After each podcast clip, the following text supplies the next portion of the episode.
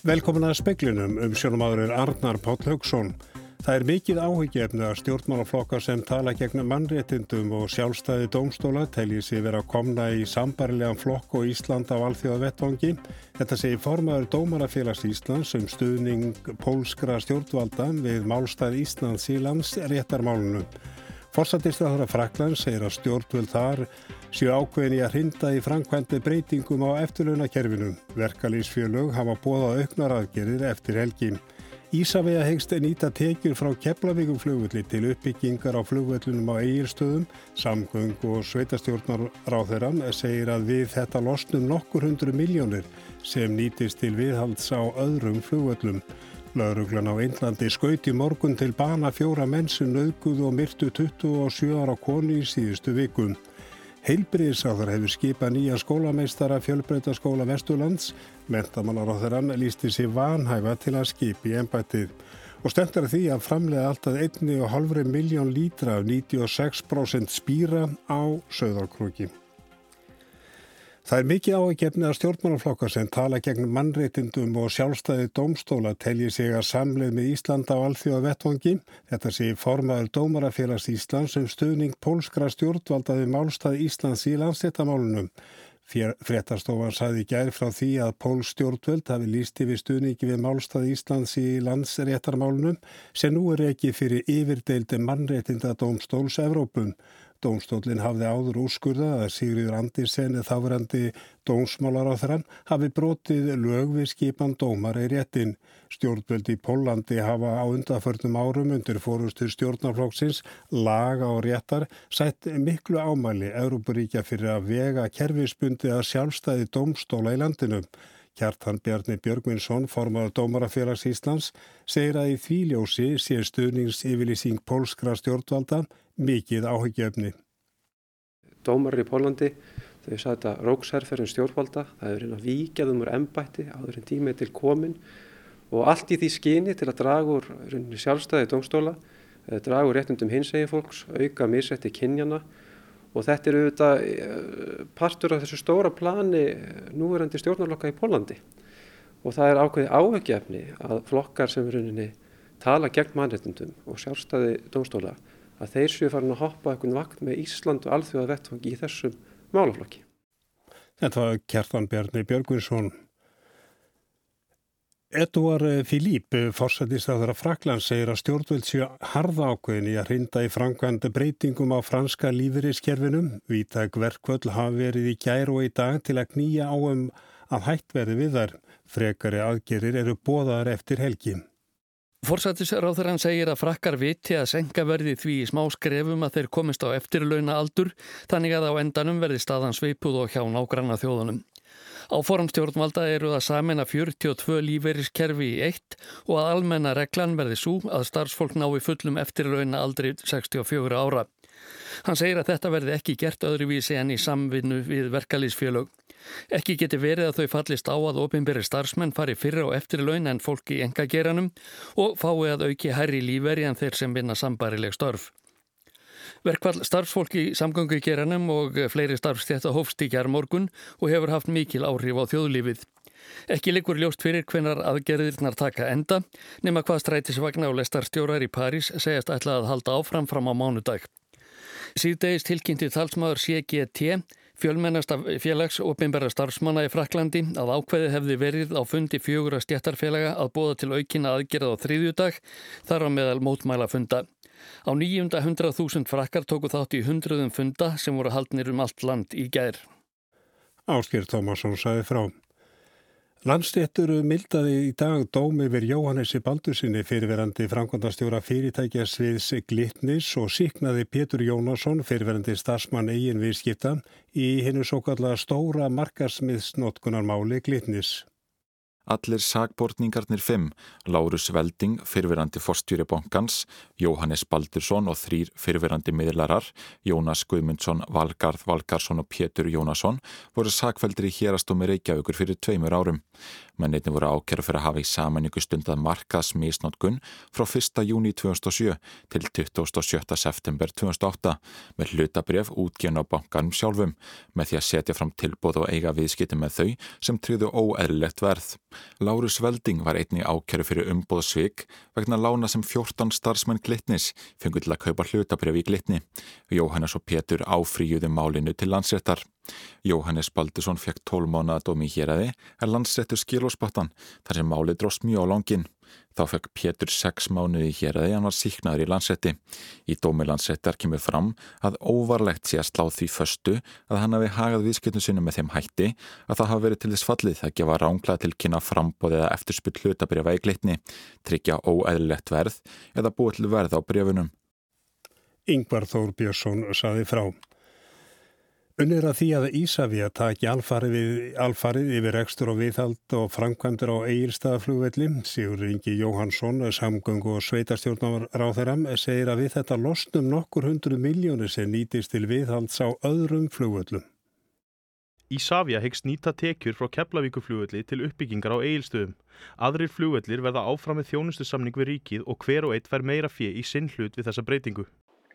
Þýðir að strax á næsta árið þá höfum við úr meiri fjármunum að spila uh, og það er eins og hefur komið fram ástand þannig að það er mjög vel séð að fá, við, fá viðbúttar fjármagn og við munum vantarlega að fara til Ísafja hvað nöðsulegast sé að, að verja þeim fjármunum.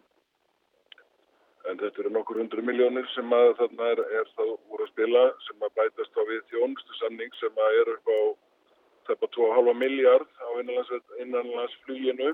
Hagsmunaðilar og sveitarstjórnarfólk hafa kallað eftir auknu fjármagni í uppbyggingu Akureyrarflugvallar. Þá hefur KEA búið til að byggja við flugstöðin á Akureyri og leia í Savi á húsið. Sigurður er jákvæður fyrir slíkum hugmyndum.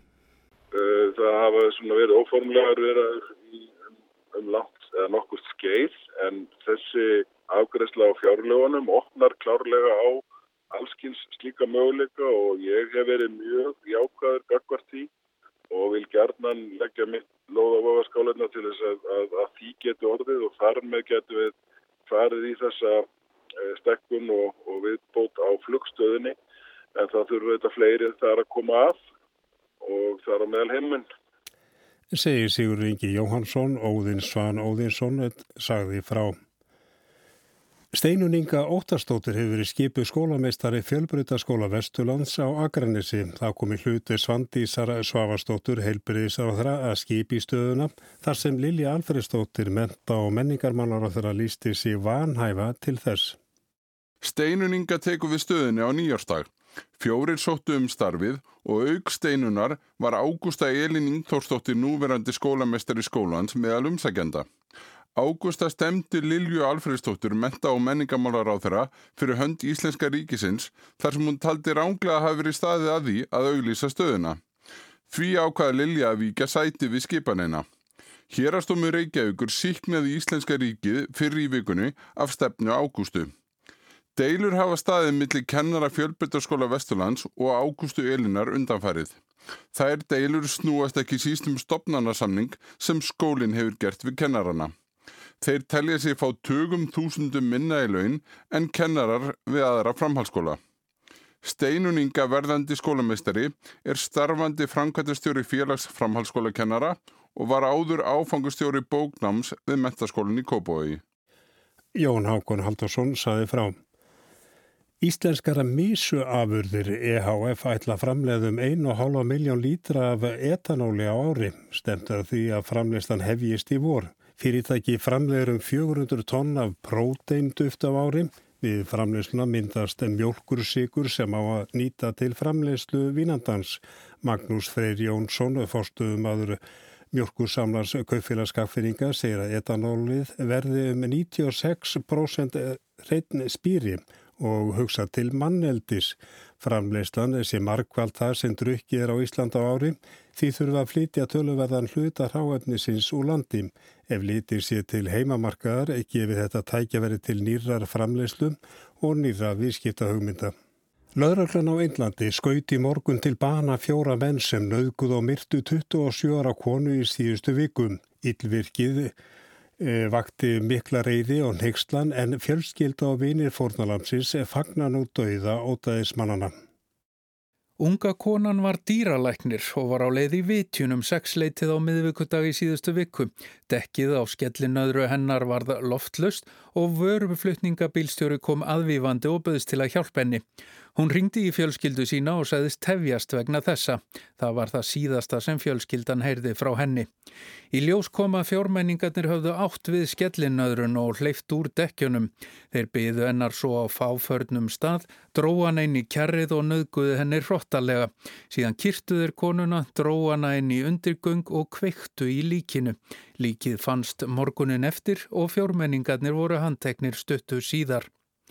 Máli vakti mikla reyði á Einlandi, mörg þúsund hafa mótmælt á götum úti og almenningur og stjórnmálamenn kröfðust þess að mennirnir eruðu hengdir ándóms og laga. Þetta endur rómaði í þinginu. Fyrrum Bollywood-stjarnan Jæja Bakkaran sagði á þingfundi að svona menn ætti að hengja opimberlega svo það erði öðrum víti til varnaðar. Lögreglan var gaggrínd fyrir aðgerðaleysi. Þrýr lauraglumenn voru leistir frá störfum en þeir höfðu ekkert aðhafst í tvo tíma, sögðu fjölskylduna að stúlkan hefðu öruglega hlaupist á brott með elskuga sínum. Lauraglan fór í morgun með fjórmenningana á vettvang glæpsins til að sviðsetja atbyrðarásina. Prakas Reddy, aðstóðar yfir lauruglu þjóttn, segir að klukkan hálf sjö í morgun hafi fjórmenningarnir ráðist að lauruglu og reynda að rifsa af þeim vopn. Komið hafi til skotbardaga og fjórmenningarnir allir verið skotnið til bana. Tveir lauruglumenn hafi sæst í átökunum. Þessi útgáfa stangast reyndar á við fyrri útgáfu lauruglu. Þá átti atvikið að hafa gerst þremur klukkustundum fyrr og þá voru fjórmenningarnir skotnir á flótta. Þótt margir fagnir þessum málaliktum eru aðrir sem segja þetta skrumskælingu á réttarkerfinu, aftöku án dóms og laga. Fjölskylda fórnarlampsins hefur tekið þessum málaliktum fagnandi. Fadir hennar þakkar lágraglu og yfirvöldum fyrir að gerningsmennir hafi fengið makleg málagjöld. Dóttirinn hafi verið látin í tíu daga en nú fái sálennar verðskuldaðan frið. Móður hennar segist bæði glöð og sorgmætt. Dóttirinn komi aldrei aftur en nú fái hún sála ró. Hún hafi ekki búist við réttlæti en réttlætinu hafi nú verið fullnægt. Sistir fórnalamsins tekur í sama streng, aðgerðir lögreglu fælimenn frá ílskuverkum sem þessum. They killed her literally very brutally. So I, I don't want anyone to see such situation or face such a situation. Kvenréttindasamtök Indland segja hins vegar að ekkert er réttlæti felist í því að lögregla skjóti ódæðismennina. Konur séu ekki örugar á götum úti, lögreglan rannsaki sjálfnast mál sem þessi og það leiði nánast aldrei til sakvellingar. Í séðuðu samfélagi eigi landsmenn að njóta verndar og öryggis og geta treyst í að lögregla og dómskerfið virki. Aðrir fagna niðurstöðunni og segja þetta gott dæmi um að réttlætinu sé fullnægt á skilvirkan hátt. 2000 nágrannar hafa fagnað í allan dag, skotið upp flugöldum og bóði gestum og gangandi upp á veitingar. Aðgerðum lauraglu hefur verið fagnað, réttlætið sigrað. Assa Devi, móðir stúlkunar sem var nauðgað af hópi Karlmanna í Strætó í höfuborginni Deli árið 2012, fagna þessari niðurstöðu. Hún segir að lauröglan hefði gert vel í að drepa fjórmenningana og krefst þess að lauröglumennir verði ekki sóttir til saka fyrir að skjóta mennina í morgun. Lauröglan hafi gert þið eina rétta. Máldótturinnar vakti gríðarlega aðtikli á sínum tíma. Hún var úr fátækri fjölskyldu en hafði brotist til menta og nýlokið læknis námi. Hún fór í kvikmyndahús með vini sínum að sjá myndina The Life of Pi. Þau voru á heimleiðum áttaleitið, stukku upp í strætó sem var reyndar formlega hættur að ganga. Þar var henni nöðgar hrottalega fimm karlmönnum og einum unglingspilti og síðan kastað út úr vagninum. Hún lést 13 dögum síðar. Sexmenningarnir sem nauðguðu henni síndu enga eftir sjá. Þeir voru bara út að skemta sér. Fórnalambið ætti í raun meiri sök á nauðguninni en gerningsmennir. Siðprúð stúlka eigi ekki verið að þvælast um að kvöldi til og stúlkur beri meiri ábyrð á nauðgunum en strákar. Heimildamindin Dætur Indlands um nöðgunina og nöðganir almennt í Indlandi var frumsýnd árið 2015 og vakti mikla aðtikli. Á Eindlandi búa 1200 miljónir manna. Árið 2017 voru 33.658 nöðganir tilkynntar til lögreglu. Að meðaltali eru það 92 nöðganir á dag eða ein á 15 mínútna fresti. Það eru einungis kærðar nöðganir. Nöðganir, kinnferðisofbeldi, síru, árásir, morð, heimilisofbeldi, kúun, umskurður og mansal er alheims vandamál. Konur njóta víða lagalegra réttinda en heimildamindin Dætur Indlands sínir glögt hver djúbstakta er í indversku samfélagi að halda konum í myrkviðum fortíðar. Pálmi Jónasson sæði frá.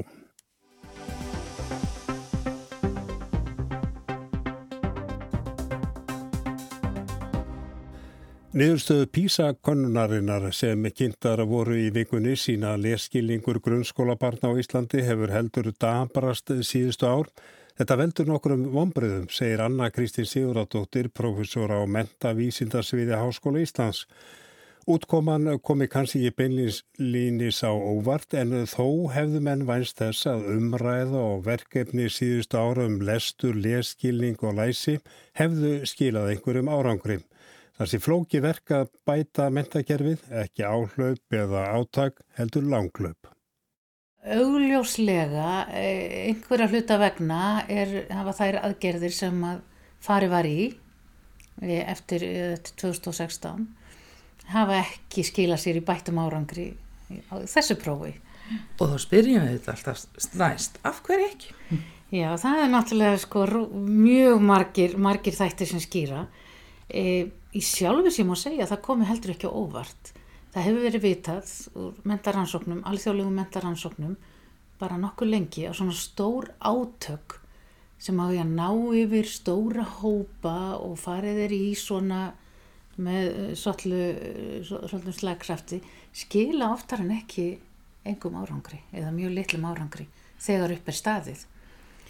Það sem að menn vilja frekar vera að horfa á er sko allar eh, vettfangur framfara og umbóta er skólastofan.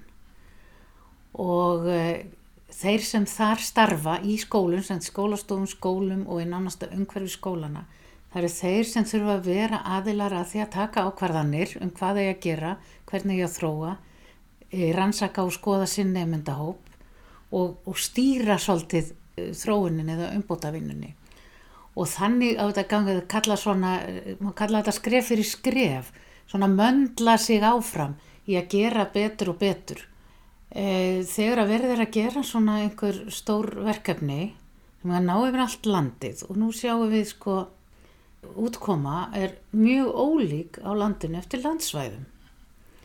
Og þegar að farið er í einhverja aðgerðir út frá meðaltölum þá er verið að breyðast eins við öllum. En e, staðan er mjög ólík ástæðan fyrir því að útkoman er ekki góð getur verið mjög ólík þannig að aðgerðir sem er svona smurðar þundi yfir allt eru bara mjög ólíklegar til að skila árangri.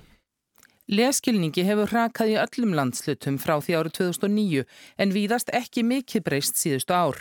Nemyndum á Suðurnesjum, Vesturlandi og Norðurlandi eistra gekk þó marktakt verð í könnunni fyrra en fyrir þreymur árum. Skýrsluöfundar setja þann fyrirvara að meiri óvisa sé í mælingum í fámennistu landslutunum. Og þetta er bara mjög alvarlegt mál, bara alvarlegt byggðamál myndi ég að segja og ekki við þetta unnað og þetta þarf að skoða miklu miklu betur. Þannig geta verið mjög margar ástæður á baki og þær geta verið ólíkar, einu landsæðu eða öðru, það er, ekki, það er engin einlít skýring. Ég vil samt sko nefna að síðan ábyrð á rekstri grunnskólana var fluttið til sveitafélaga árið 1996, þannig svo langt síðan. Þá hefur smátt og smátt svona rekið í sundur millir höfuborgarsvæðis og landsbyggðar hvað varðar stuðning og umgjörð við skólana. Það eru lítilsveitafélög, það eru litli skólar og í mörgum tilfellin þá standa þessi skólar svolítið einir að sínu. Aftur þar sem eru fleiri og starri sveitafélög þá er þetta að búa til miklu styrkari umgjörð, einhverja faglega fóristu, eitthvað stuðningskerfi sem að þekkir aðstæður í skólanum hefur metnað fyrir e, starfinu sem það eru og tilbúin að vinna með skólanum. Mörg sveitafjölu hafa leist þetta, hafa skildur til að, til að styðja sína skóla og þau hafa leista með því að kaupa utanakomandi ráðgjafa sem koma öðru kóru. Það bara kemur alls ekki staðin fyrir þetta. Þannig að þetta getur verið ein ástæðan á einhverjum stöðum. Vandin sé að skólinn standi alveg einn. Nú svo auðvitað vitum við það að, að mentunustig foreldra, það hefur komið fram í mörgum rannsóknum meðal annars einni nýleiri íslenskri. Það eru tengslamilli mentunustigs foreldra og náms árangusnefnda, bæði eins og það byrtist í písa og samlandu prófum og viða.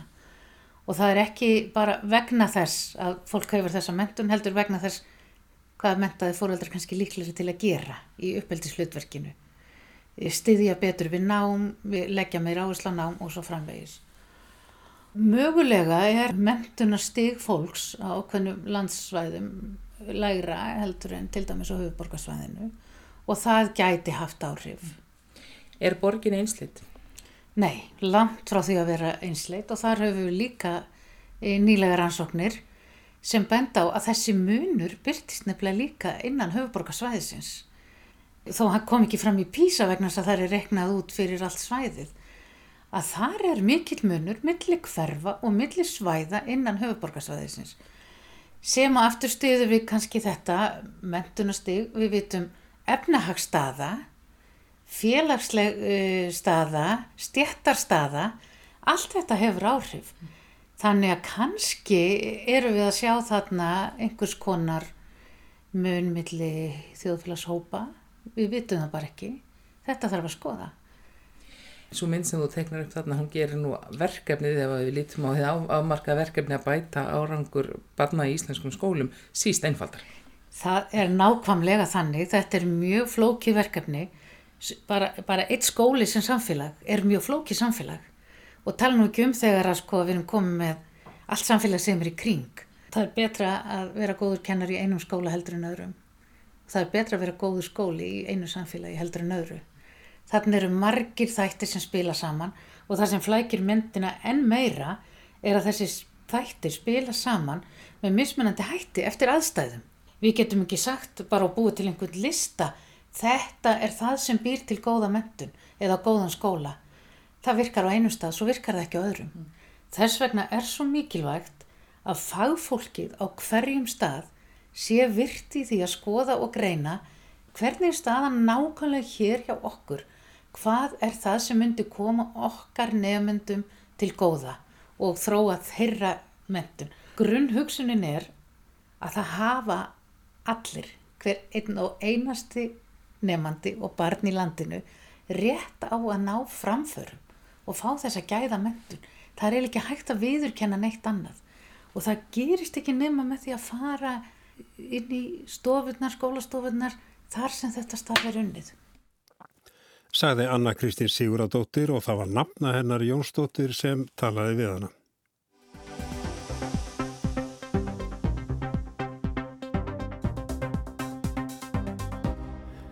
Það þurfti samstarfi 30 landa til að koma böndum yfir mútugreislur Bresks dótturfélags frönsku Alstom samsteipunar í tveimur víðfemum mútumálum Rannsók málsins hófst í Breitlandi fyrir tíu árum eftir ábendingar frá svistneskum yfirvöldum sem voru að rannsaka meintar mútur Alstom. Aug sekt og dóma í Breitlandi og Svissi hefur Alstom greitt hæstu sekt en okkur sinni í bandarækjunum fyrir mútur. Máli er gott dæmi um hvað mútumál eru víða litin alvarlegum augum, sama þó múturnar séu greittar í öðrum löndum.